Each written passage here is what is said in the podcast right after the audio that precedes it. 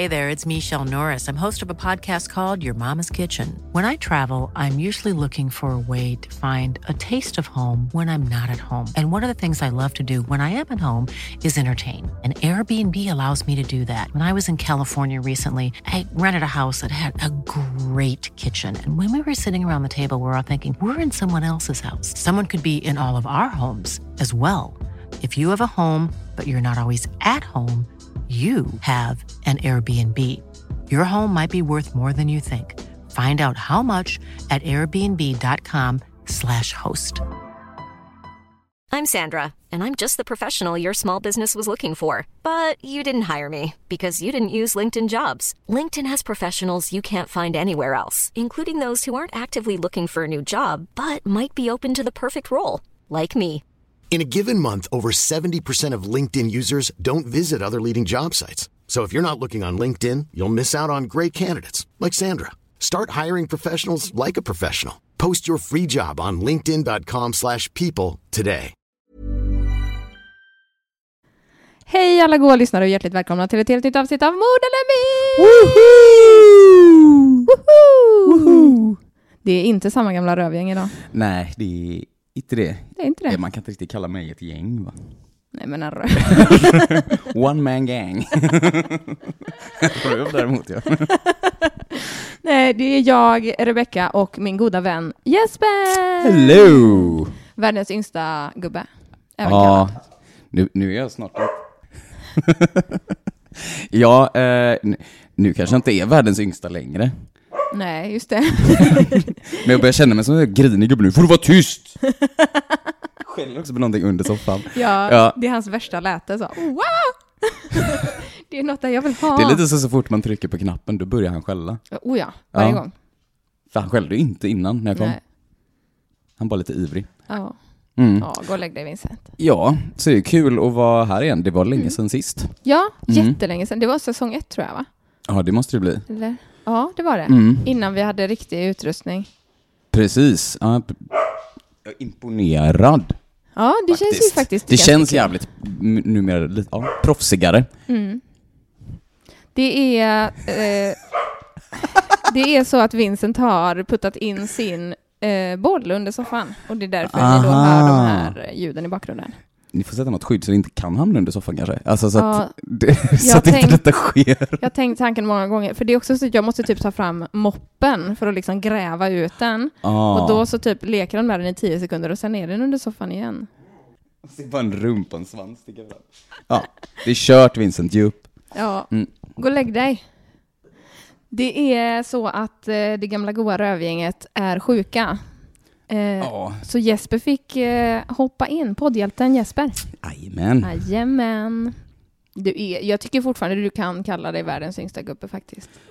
Jag får väl det. Ja. Men det känns som ändå att det finns många sådär nya 22-åringar med gubbideal. Gubbtendens. Gubbtendenser, men eh, ja, Fast du är liksom en OG gubbe tänker jag. ja precis.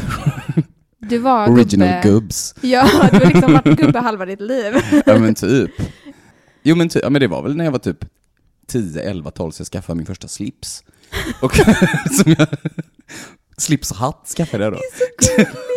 Det är så Jag hade ingen gulligt. ordentlig skjorta, så jag hade en pikétröja med en sån här Nej, men så gud, jag jag såg ut som en idiot. Men jag tyckte den var jävligt ball alltså.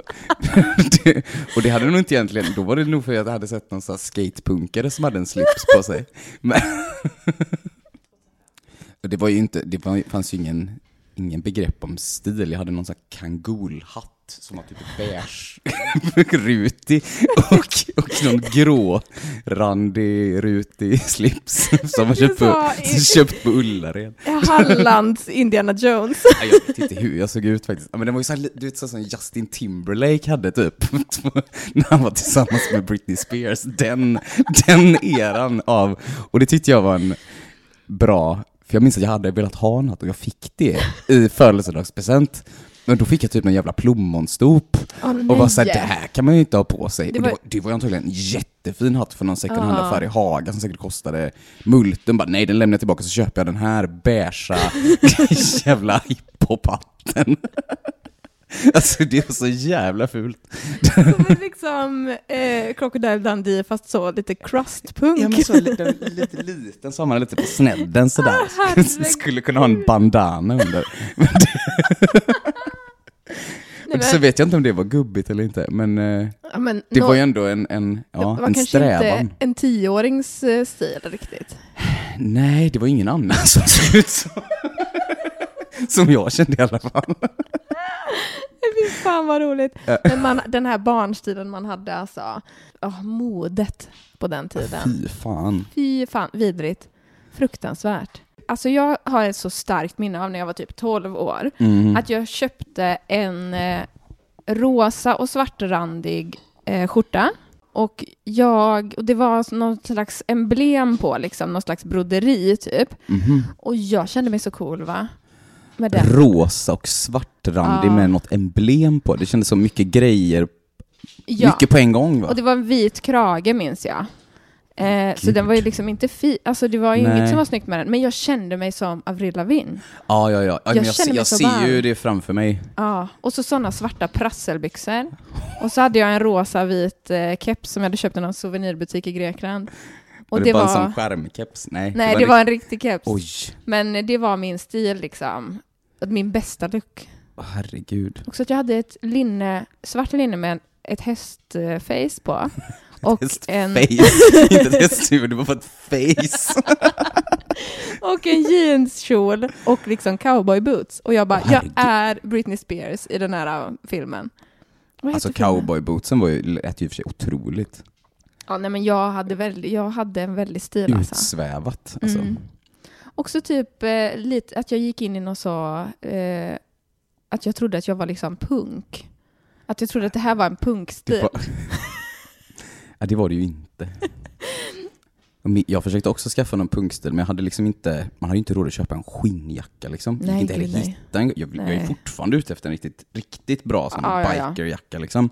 Men, eh, men jag satsade istället på att ha för små t-shirts. Så- så- för det kändes så, så jag hade sett typ bilder på Sex Pistols, att de hade Ja, trasiga, väldigt små Just t-shirts. det. Men Crop det- tops liksom. Ja, så jag hade någon sån, en Turtles t-shirt minns jag, som satt liksom så tight, storlek 140 fast jag var storlek 150. så liksom så, åh, så, så, det såg inte alls punkigt, såg ut som jag inte hade Som råd att köpa tillräckligt bra kläder. Ja, ja, ja. Så tonårsfläbbig. som är väldigt- Jag dör att det är. Turtles på, jag ser det framför mig och det är så bra. Men nu kommer jag på en rolig eh, frågeställning. Eh, vad kommer vara det som vi inte förstår att ungdomar gör när vi är typ så 80? Vad är det vi kommer vägra göra och som våra barnbarn kommer vara så, men hallå, sätt dig i den här självkörande bilen bara. Och vi bara, aldrig i livet! kommer aldrig ske. Oj, självkörande bil vill jag ha nu. Jag med. Eh, så, Imorgon. så att den, den, Sponsra men, oss Tesla. Men vad, hmm. Alltså gissningsvis någonting annat som, jag vet inte, om, om man vill vara positiv, att det är någon så klimatgrej som har kommit fram, att man ska sluta med någonting. Men vi kan fan inte sluta, men de är Tobak. bara, men det, det, det, det är väl självklart, men lite så som det är äldre vegetarisk kost. generation nu som inte kan fatta, åh jävla Mm. sojadrickande bögar. Men det, det sitter ju sådana arga, vita kränkta män som sitter och klagar Oh, ja. på att någon kommer så här, men ät mer sånt här, Mm. som inte kan, de kan inte ta in fakta överhuvudtaget. Och det, det kommer väl bli, vi också bli, Ja. faktaresistenta av någon sån, eh, men annars, nej men något annat kul. Men det måste ju vara liksom att alla slutar, det, vi är ju typ där redan nu, att alla slutar med tobak. Att alla röker Ja. så e-cig och snusar det här vita snuset. Just det. Typ är man på en fest och inte har något snus och så frågar man, förut kunde man ju alltid fråga så, är det någon som har typ General Vit? Mm. Och alla hade ju det liksom. Nu är det bara så, "Eh, jag har den här XR Slim Super White. Eller typ Cactus Lime. Ja, Eller typ att så här, folk slutar dricka alkohol typ. Åh, nej, mörda mig bara rakt Nej men alltså, eh, det, det har ändå varit... eh, nej. Men med tanke på hur mycket vi, det ska vara nolltolerans till saker, jag vet inte, nej, nej, så långt tror jag inte det går. Men då kommer det ändå kanske. sitta ett äldre garde som bara kommer inte släppa min flaska. Mm. Inte en chans. Åh gud, jag För det, är ju ändå, det går ju ändå nedåtgående trend nu bland gymnasieungdomar, så att färre Ja. och färre testar dricka alkohol och sånt där. Liksom. Ja. Eh, Ja, men Men det- ponera ja. då. Ponera att det blir, eh, det finns någon drog som är laglig liksom. mm. Och alla ungdomar knarkar den här härliga drogen istället. Och den har liksom inga bieffekter. Nej, och, så. precis. och så blir vi de där som sitter, jag tänker inte, de har aldrig öppet på bolaget längre. Nej, Tänker inte släppa min bärs, jag måste köpa på mig. Alla sitter och bränner hemma. Det, Ja, Ja, är det typ. så det kommer vara? Ja, det kom- ja. Och våra barnbarn kommer vara så, alltså min mormor, hon är så jävla galen. Hon har gjort eget vin, alltså fattar ni? Lever fortfarande på 2000-talet, jävla tönt. lever på 1800-talet typ. Ja, ja men det, det låter väldigt rimligt tycker jag. Något sånt, det kommer bli någon sån renhets... Eh, men nå- någon nyttig jävla grej som vi kommer tycka, nu har det gått för långt, och så Ja. kommer vi inte göra det. De Fast det- röker inte ens fast, längre. Ja, men fast det egentligen är, är jättebra, Ja. troligtvis. Men vi kommer ändå sitta där och vara griniga på vår tid, då hade alla fan Exakt. riktigt snus. Eller att man typ förbjuder chips eller någonting. Åh, Eller döda mig. Döda mig bara. Nej, men det, Men det, att den här det- sundhetshetsen Nej, det är inte ens en går... värld. Nej, nej, nej. Nej, det går då, då blir ättestupan på en gång. Ja. Puttar ner mig. Mig. Bonka mitt huvud Jag med en stor inte, inte stanna kvar här. Det, det är inte en värld jag vill vara en del av. Inte en chans. Nej fy fan. Flå mig och sätt mig i en björnkostym. Ja. Tänd eld på mig. Flytta ut i skogen, kan äta min potatis i fred. Då blir man som en sån elallergiker. Fast man, ja, precis. så har man en egen liten åker och så står man hemma och friterar i sig. Riktigt så farlig Alla frityrolja. odlar liksom humle i smyg för det är förbjudet att Ja, dricka just alkohol. det. Prohibition kommer tillbaka. Ja, fan. Nej men eh, ändå spännande att se vart det tar vägen. Jag hoppas att jag får behålla min alkohol och min potatis. Ja, verkligen. Och mitt snus. Det, ja, det, det är ju sånt som, som gör livet värt att leva. Ja, jag, Lite så. precis. I- Eller jag kan klara mig utan snus, men det är många som inte kan det. Liksom. Ja, jag kommer ju döda någon Ja. antagligen. Ja, nej men officiellt sett så snusar ju inte jag för jag har ju slutat. Just det. Men eh, jag börjar igen eh, ibland och så slutar jag igen och så håller det på så. Och jag vill gärna fortsätta med det. Eh, för att jag kan. Ja, men jag menar, ja, men, ja, men det är ju lite det. Det är så tråkigt att vara absolutist med saker. Att man säger så här, nu, Ja. nu ska jag aldrig röra detta igen. Nej. Nej, ska vi köra lite mord eller myt? Absolut! Känner du dig redo? Ja, så redo man kan bli. Woo! Woof. Q-jingel. Ja.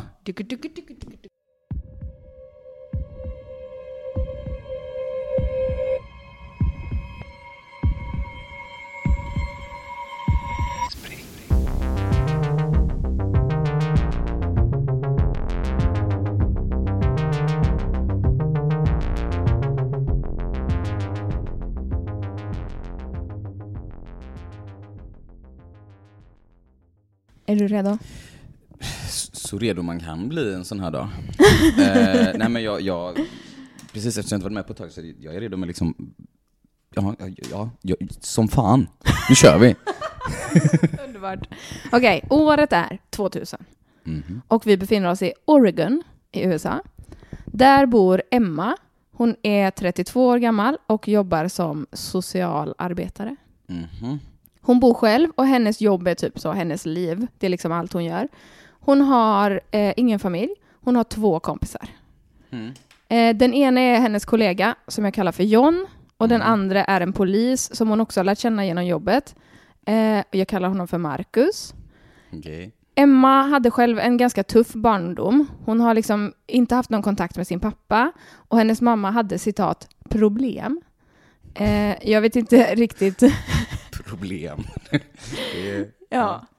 brett uttryckt. Yes. Jag vet inte riktigt om det var så psykiska problem eller drogproblematik eller liksom missbruk. Mm. Men ja, problems.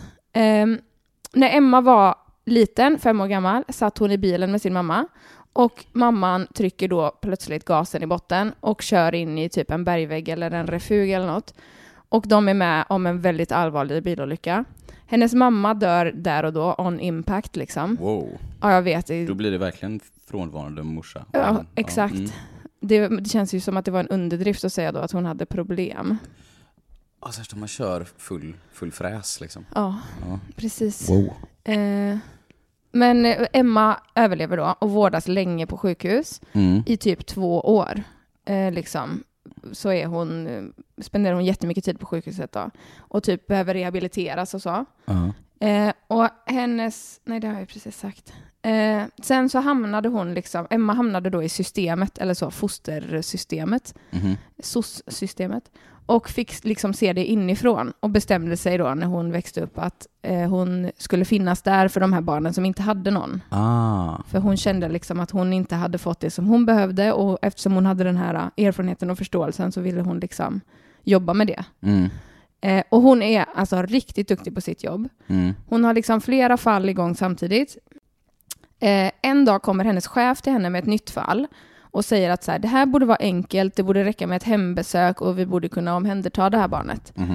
Eh, och då har hon, eller de har då fått en orosanmälan ifrån en flickas skola eh, där det står att flickan har haft höga betyg och liksom bra attendance, närvaro eh, och goda kunskaper, men att resultaten plötsligt dalat och att hon har liksom varit mer och mer bångstyrig och typ trött och somnat på lektionerna och sånt. Mm. Eh, och inte kommit ordentligt påklädd till skolan när det var kallt. Ah. Sådär, klassiker. Eh, och det har då varit tydligt för personalen på skolan att det här är ett barn som plågas av något. Mm. Så då har de gjort en orosanmälan och det här socialkontoret tar det liksom på stort allvar. Eh, den här flickan då, hon är tio år gammal. Jag kallar henne för Laila. Mhm. Eh, hon bor med sin mamma och pappa i ett rätt så rötet gammalt hus. När Emma åker dit för det här hembesöket så ser hon att båda föräldrarna verkar vara väldigt trötta och att de är typ så lite skittish. De har liksom svårt att sitta still, de har så här sår i ansiktet och typ är väldigt liksom, Låter som så här meth. eh, ja precis. Ja, väldigt så. Allmänt knarkiga liksom. Mm. Eh, de är inte helt fräscha helt enkelt. Eh, den här pappan vägrar då prata med Emma. Eh, så Mm. hon blir liksom insläppt i huset och de sätter sig i soffan, eller typ så, i vardagsrummet. Och eh, pappan pratar bara, viskar till sin fru, som får säga det som han har sagt. Okej. Eh, vilket är väldigt underligt beteende. Det här barnet då, Laila, sitter bara där eh, på golvet och tittar ner.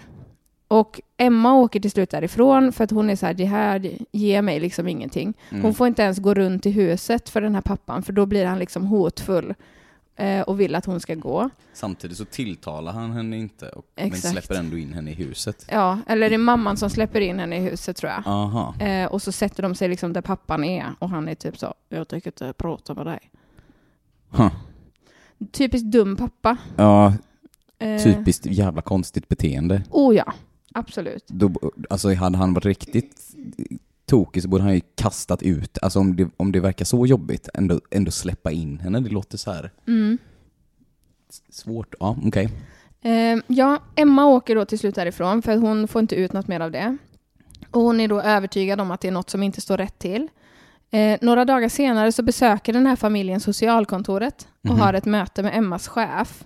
För då har de själva, liksom, familjen har själva beställt det här mötet för att de eh, är typ så, ja men ni hade en anställd som kom till oss och gjorde ett hembesök och då var vi så trötta så vi vill liksom komma in och, och visa att vi, vad vi går för typ. Och då plötsligt är de väldigt städade och uppklädda. Typ pappan har liksom en kostym på sig och Oj. eh, de är så väldigt, eh, det är väldigt tillrättalagt liksom. Och de så här skämtar med chefen och liksom de får en, har typ en positiv, ett positivt samtal. Mm. Eh, och den här chefen blir då övertygad om att allt är bra. Eh, och... Vänta, varför? Herregud, att de inte jämför de två upplevelserna. Det, låter som, de har ju överdrivit till och med. Alltså ta på sig kostym. Ja, exakt. De övertygar då den här chefen om att eh, Laila har liksom kommit in i en period, det har hänt någonting i skolan typ, Mhm. att hon har blivit mobbad eller så. Så hon har kommit in i en period där hon drömmer mardrömmar och har liksom nattskräck. Mm. Och att det är därför de då är så trötta och typ de har haft svårt att hålla reda på hemmet och så för att de har inte sovit så bra på nätterna typ. Mhm. För att hon vaknar och skriker eller liksom går i sömnen och så. De har behövt hålla vakt typ. Eh, det är deras liksom case. Och de övertygar verkligen den här chefen om att det, att det stämmer. Mm. Eh, och har med sig läkarintyg och sånt också liksom. Eh, sen skickar de ut Laila ur det här mötesrummet för att de vuxna ska få samtala själva. Mm. Och då smyger Emma fram till henne och frågar om det är något hon vill berätta. Mhm. Och då säger det här lilla barnet, jag hör hur de pratar på nätterna om att de ska skicka mig till helvetet. Grovt, Eh, Hemskt. Tänk att höra det när man är tio år gammal. Ens egna föräldrar säger något sånt. Fy och fan. också vad fan det ens innebär. Ja, exakt. Vi ska skicka henne till helvetet. Ja, Nej, men- fr- men- fruktansvärt. Men, men vadå? Det, det är det enda hon säger till Emma? Ja, precis. För sen Ja. kommer liksom föräldrarna ut, antar jag. Så Ja, att de har väl inte inte- så mycket nej. tid, liksom. Eh, men Emma blir ju jätteoroad. Och chefen är ju superlugn. Och han är så, nej men vi, vi har haft fel och du, vi, du, har, Mm. du inbillar dig nu, det här är inte så allvarligt. Nej, det är hennes nattskräck. Precis. Ja. Alltså hon behöver liksom eh, psykvård, eh, det här barnet. Mm. Och då så är, liksom, är de så, ja men det ska vi fixa, hon ska få prata med en psykolog och vi ska se hur det här artar sig typ. Dagen därefter, för att Emma kan liksom inte släppa detta, så Mm. dagen därpå så väntar Emma utanför Lailas skola. Och när Laila slutar för dagen och kommer ut och ska gå på skolbussen så ger Emma henne en lapp med sitt telefonnummer Mm. eh, och säger typ så, eh, om det händer någonting så kan du ringa till mig. Liksom. Om du inte vågar ringa polisen så kan du alltid ringa till mig så hjälper jag till. Mm. Eh, några månader senare då, vid 22-tiden den 6 oktober 2000, ringer Emmas telefon. Och när hon svarar så hör hon då Lailas röst. Och Laila säger att hon snart kommer att somna och att hon har gömt, gömt sig under sin säng. Och så säger hon What? typ, de kommer göra det ikväll, du måste hjälpa mig, de kommer skada mig. Och sen blir det liksom tyst i luren. Mm. Eh, Emma ringer då sin poliskompis Marcus. Eh, Just det. Ja, och är Mm. så, du måste rycka ut nu typ. Eh, bring backup liksom. Och så eh, springer hon till sin bil och åker hem till den här familjen. Mm. Emma kommer fram till huset eh, innan Marcus och hon bankar på dörren och det är låst så hon slår sönder en ruta och lyckas liksom ta sig in. Väl inne i huset så hittar hon Laila och hennes föräldrar i köket. Nu blir det grovt, obs. De har drogat Laila och stoppat henne i ugnen. Hä? Ja, jag vet, det är så sjukt. Rung, runt ugnsluckans handtag har de liksom dragit silvertejp eh, ner i golvet och typ upp på eh, kör ut här bänken. Och de har satt silvertejp runt kanterna på luckan. Hur får man ens in en tioåring i en ugn? Ja, men den är, jag vet Det inte. är ju en Det är så- jättestor alltså, Allt är så stort i USA. I Amerika. Nej, men det är så Nej. sjukt grovt. Okej, okej. Och så vidare. Ja, nej men då Marcus och Emma, för Marcus kommer också dit och han har liksom tjänstevapen och backup med sig. Mm. Så de föräldrarna eh, lägger sig på mage på golvet typ och blir arresterade liksom, eller så, Ja. eh, omhändertagna. Eh, och de får ut det här barnet i tid då, och då är hon liksom Innan hon är helt grillad. Ja, brännskadad eh, ganska rejält. För att hon har liksom legat med, ja det här är grovt, hon har liksom legat med huvudet mot eh, en av kanterna, så hela så här, skallen är bränd och fötterna är brända och händerna liksom. För hon har ju också varit neddrogad, medvetslös i princip. Så att hon alltså har det ju har bara inte, börjat... Ja, hon har liksom blivit stekt. Nej, vad sjukt. Ja, jag vet, det är så fruktansvärt hemskt. Men hon överlever i alla fall detta och repar sig ganska så snabbt. Liksom.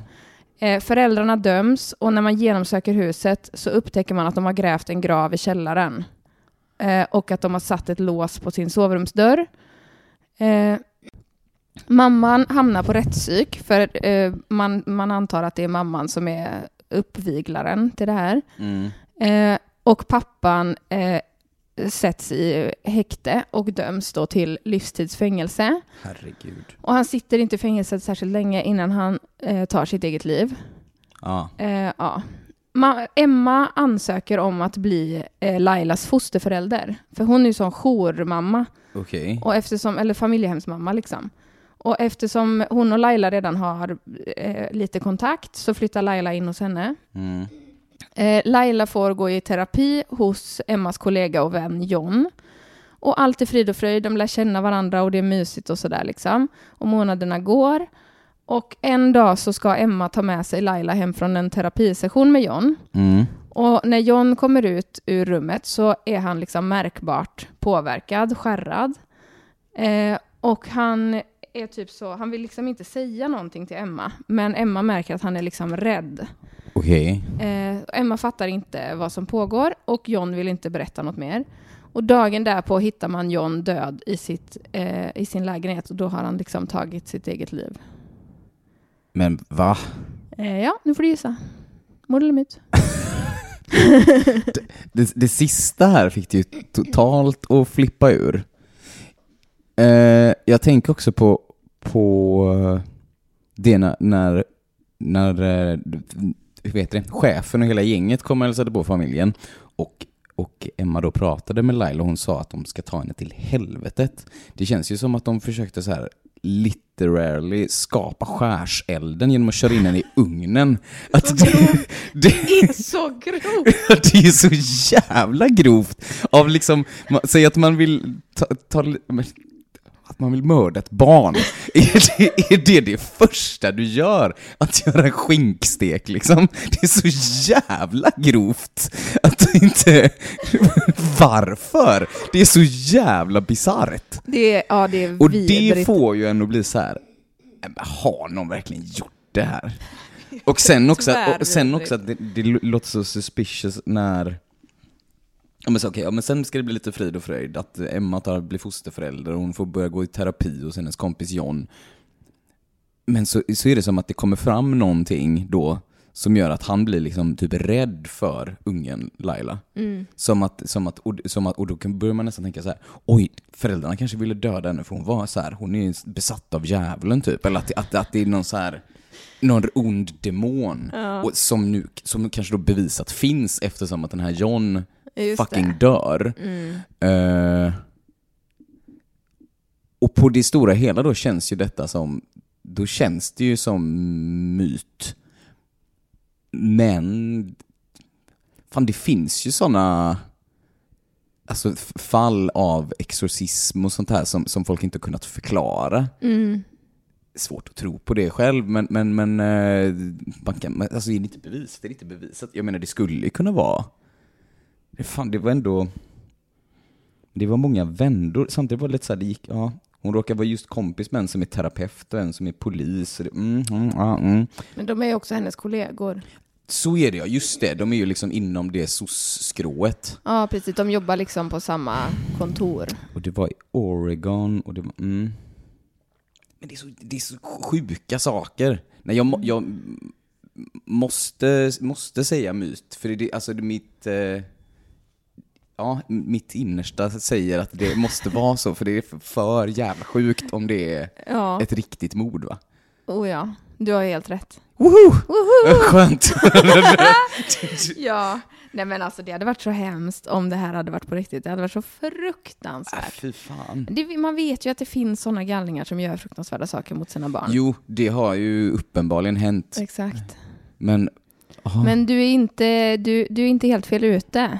Nej. Det är eh, med hela demon och skärselden och grejer. Ja. Eh, det här är en film som heter Case 39. Aha. Eh, Emma spelas av Renée Zellweger. Du vet Mhm. Bridget Jones. Ja, ja. Eller? Jo. Är det Bridget Jones? Ja. Ja. Eh, ja, vill man se den här filmen så kan man ju sluta lyssna nu, för jag kommer spoila allt. Som vanligt. Ja. Eh, det, här, det här barnet är ju då djävulen. Ah, Ja, såklart. det är så. Mm. Och det, det var ändå rätt. Det kanske var rätt då av föräldrarna att ge sig på eh, Ja, det här.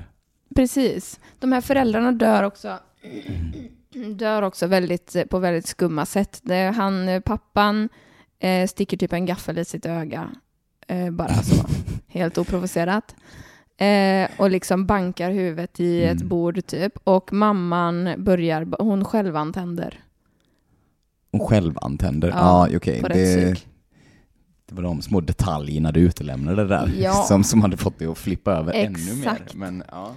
Eh, och den här John då eh, hittas ju död i sitt badrum. Mm. Eh, sen är det också ett barn i Lailas eh, terapigrupp som slår ihjäl sina föräldrar med ett fälgkors.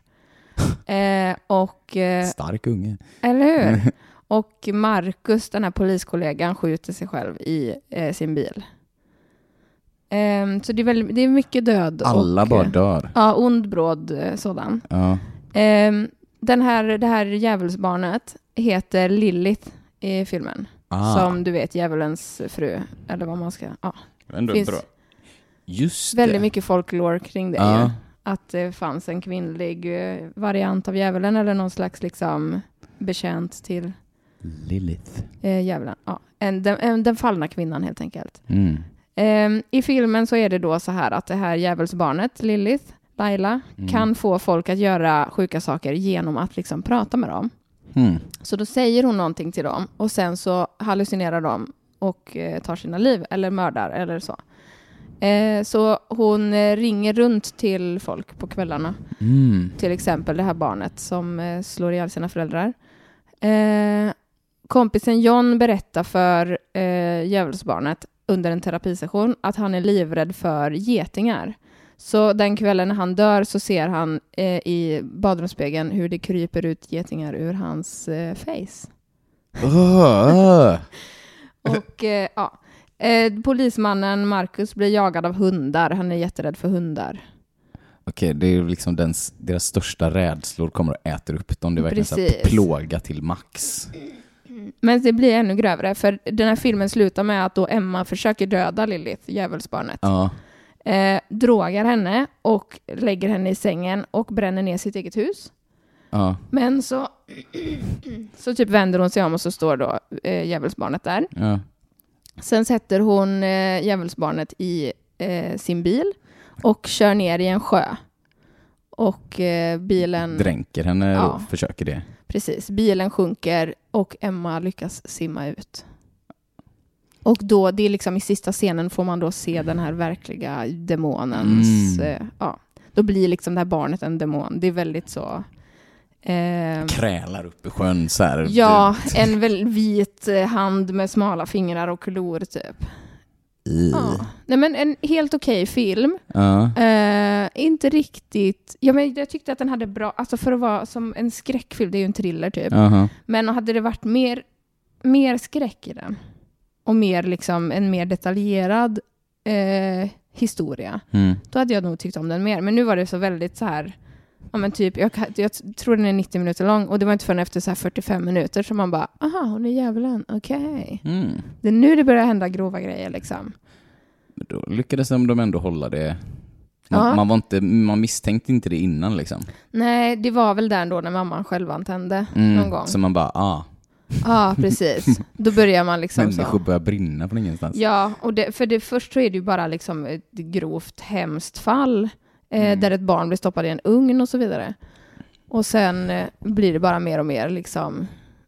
Det tog ju ändå många vändningar just det här också att hon blev soc-tant. Mm. För att hennes mamma körde in i en berg, eller i en ref. Ja, alltså så här, precis. bara, för där tänkte man först, aha, vad ska, vad ska detta leda till? Ja. Men sen så blev det ett helt annat. eh, snyggt maskerat. Det var också där man fick lite så här, oj, ja, det finns en hel backstory och hela liksom... Ja, men precis. Ja, jag, eh, jag konsumerar så extremt mycket eh, mordrelaterat i kulturen. Ja, det är klart. Och det här är vad, den här filmen låg på min, sån, min lista på Netflix jättelänge Mhm. innan jag såg den nu för ett tag sedan. Mm. Och så var jag också så, fan nu har jag sett den här filmen, nu måste jag typ skriva ett manus.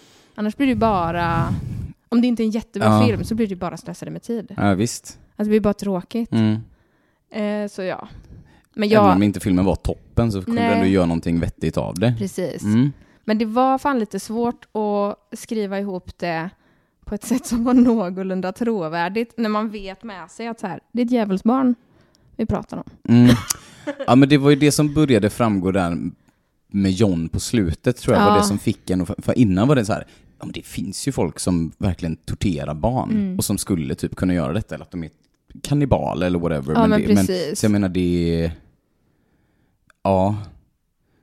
Där tänker man ändå varför de valde att göra det. Eller att de måste ju förstått att ungen var en djävul då, föräldrarna tänker jag. Som, Ja, nå någonting, men det märkte man ju, fan du kan ju inte elda upp, du kan ju inte elda upp djävulen, han bor ju där det brinner.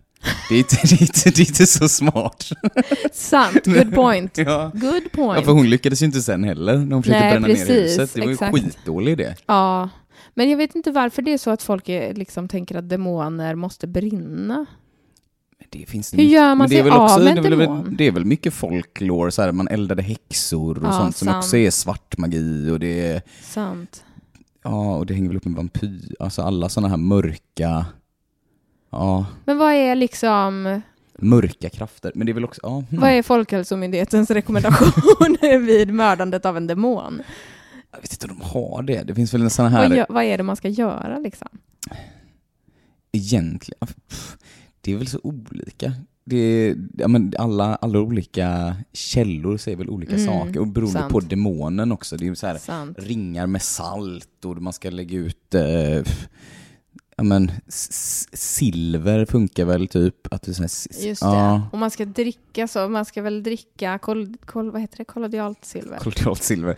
Ja, för att det är skydda någon sig. Ja just det, och sen har det tagit en helt, folk har verkligen tagit det bokstavligt talat nu för tiden och dricker det mot covid eller förkylning Ja. typ. Det blåa. Ja, exakt. Man upptäckte ju bisarrt. en sekt i eh, USA, tror jag Mm. det var, här för ett tag sedan, som heter Love as One. Känner du till detta? Love as one. Love has one. Aha. Och då är det en eh, kvinna som har startat den här sekten som kallade sig för Mother God. Eh, och anledningen till att man upptäckte att den här sekten ens fanns var för att man förstod, alltså det var på något sätt så att det upptäcktes att den här kvinnan, Mother God, eh, var död.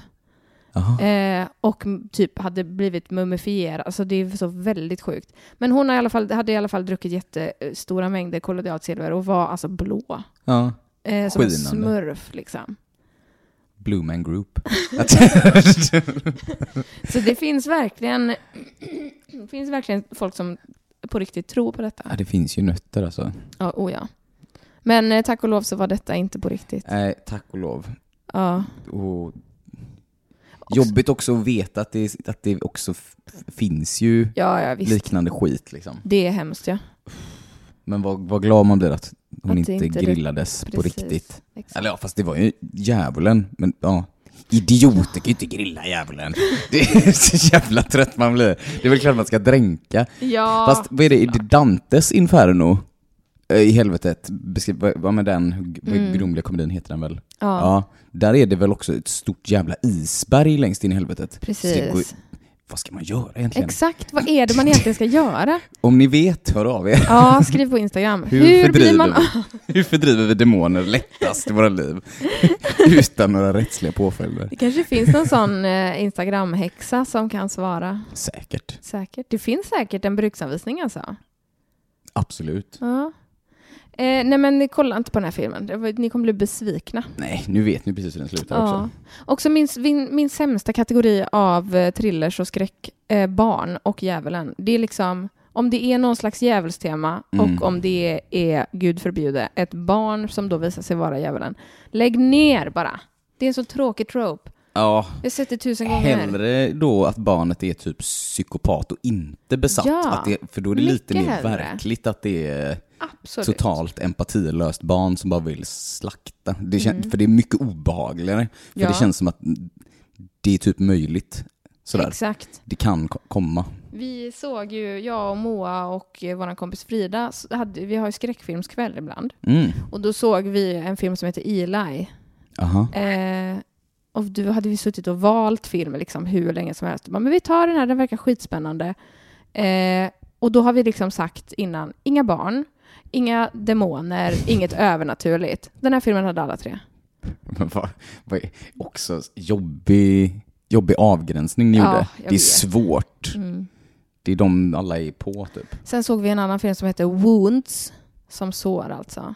Ja. Och den var, alltså den var så äcklig och den var så läskig. Men slutet gjorde mig rasande. Det låter så gore-aktigt va? Ja, den var väldigt, det var, det var grov liksom. Och vi satt typ då i 90 minuter och bara, vad gör han? Varför gör han så? Vad är det? Men sluta med det, gör inte så. Det, så man bara blir frustrerad. Ja. Man, blir inte, man blir inte rädd, man blir frustrerad och äcklad Exakt. kanske. Också, Ja. obs, också en demon. Ja. Typiskt. Sårdemonen. Mm. Ja, Mm. vad fan ska man se? Kom skriv tips. Eh, Ja, skräckfilmer som precis. inte har tema demon, spöke eller eh, barn som är demon.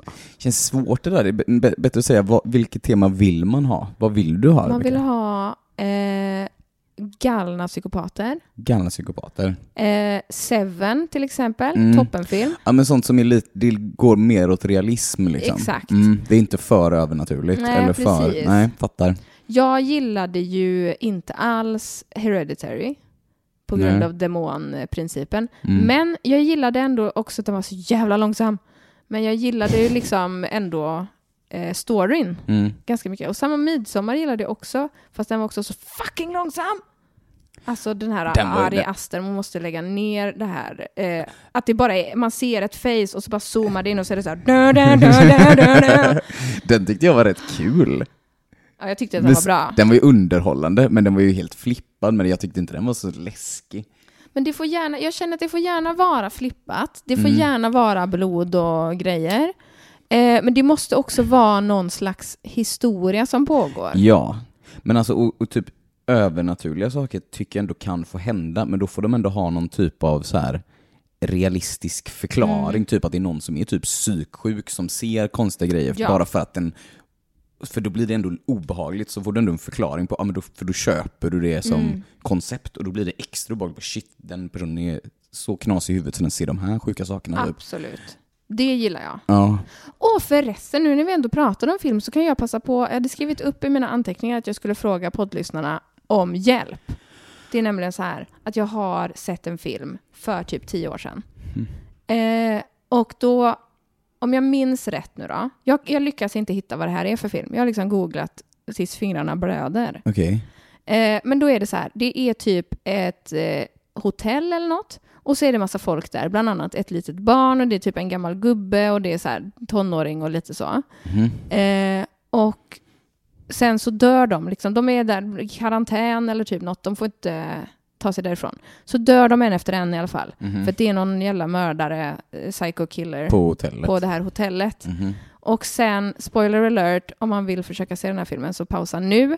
Sen visar det sig då att allt det här har, alla de här människorna är en person med dissociativ identitetsstörning, eller vad heter det? Syndrom. Ja. Eh, alla de här personerna är personligheter i den här människan. Och det är barnet som är mördaren. Okej, Ja, ja, ja, jag som- som jag sagt, med. Minns Mm. inte riktigt, men har man sett den här filmen så vet man säkert vad den heter och då kan man skriva det till mig. Så kommer jag vara evigt tacksam. Då kan man få ett klistermärke. Jag skickar ett klistermärke. Mordade Oh. mitt klistermärke. Om man vet. Attraktivt. Eller hur? Hör av Det ska du få idag förresten. Ska jag? Ja, det är wow. lön. Lön. Lön. Här får du en sticker. ja. Nej, fan vad... Wow. Vad coolt. Ja, eller hur?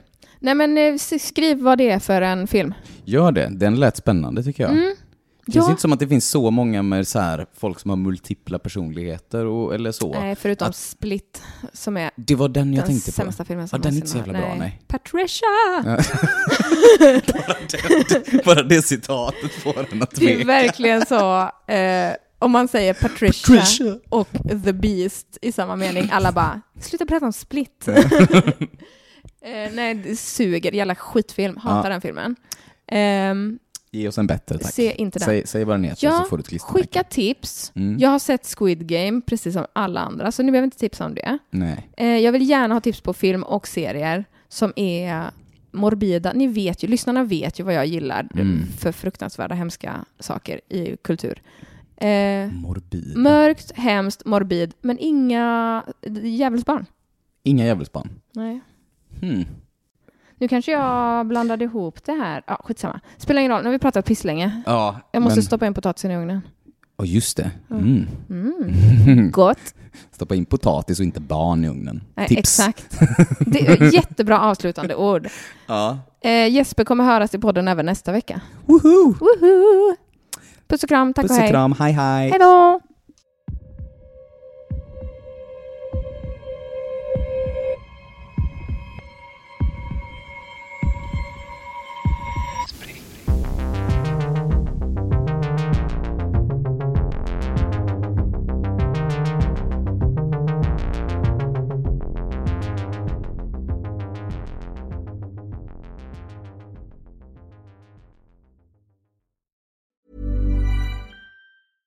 Imagine the softest sheets you've ever felt. Now imagine them getting even softer over time. That's what you'll feel with Bowl and Branch's organic cotton sheets. In a recent customer survey, 96% replied that Bowl and Branch sheets get softer with every wash. Start getting your best night's sleep in these sheets that get softer and softer for years to come. Try their sheets with a 30-night guarantee. Plus, get 15% off your first order at bowlandbranch.com. Code BUTTERY. Exclusions apply. See site for details. Even when we're on a budget, we still deserve nice things. Quince is a place to scoop up stunning high-end goods for 50 to 80% less than similar brands.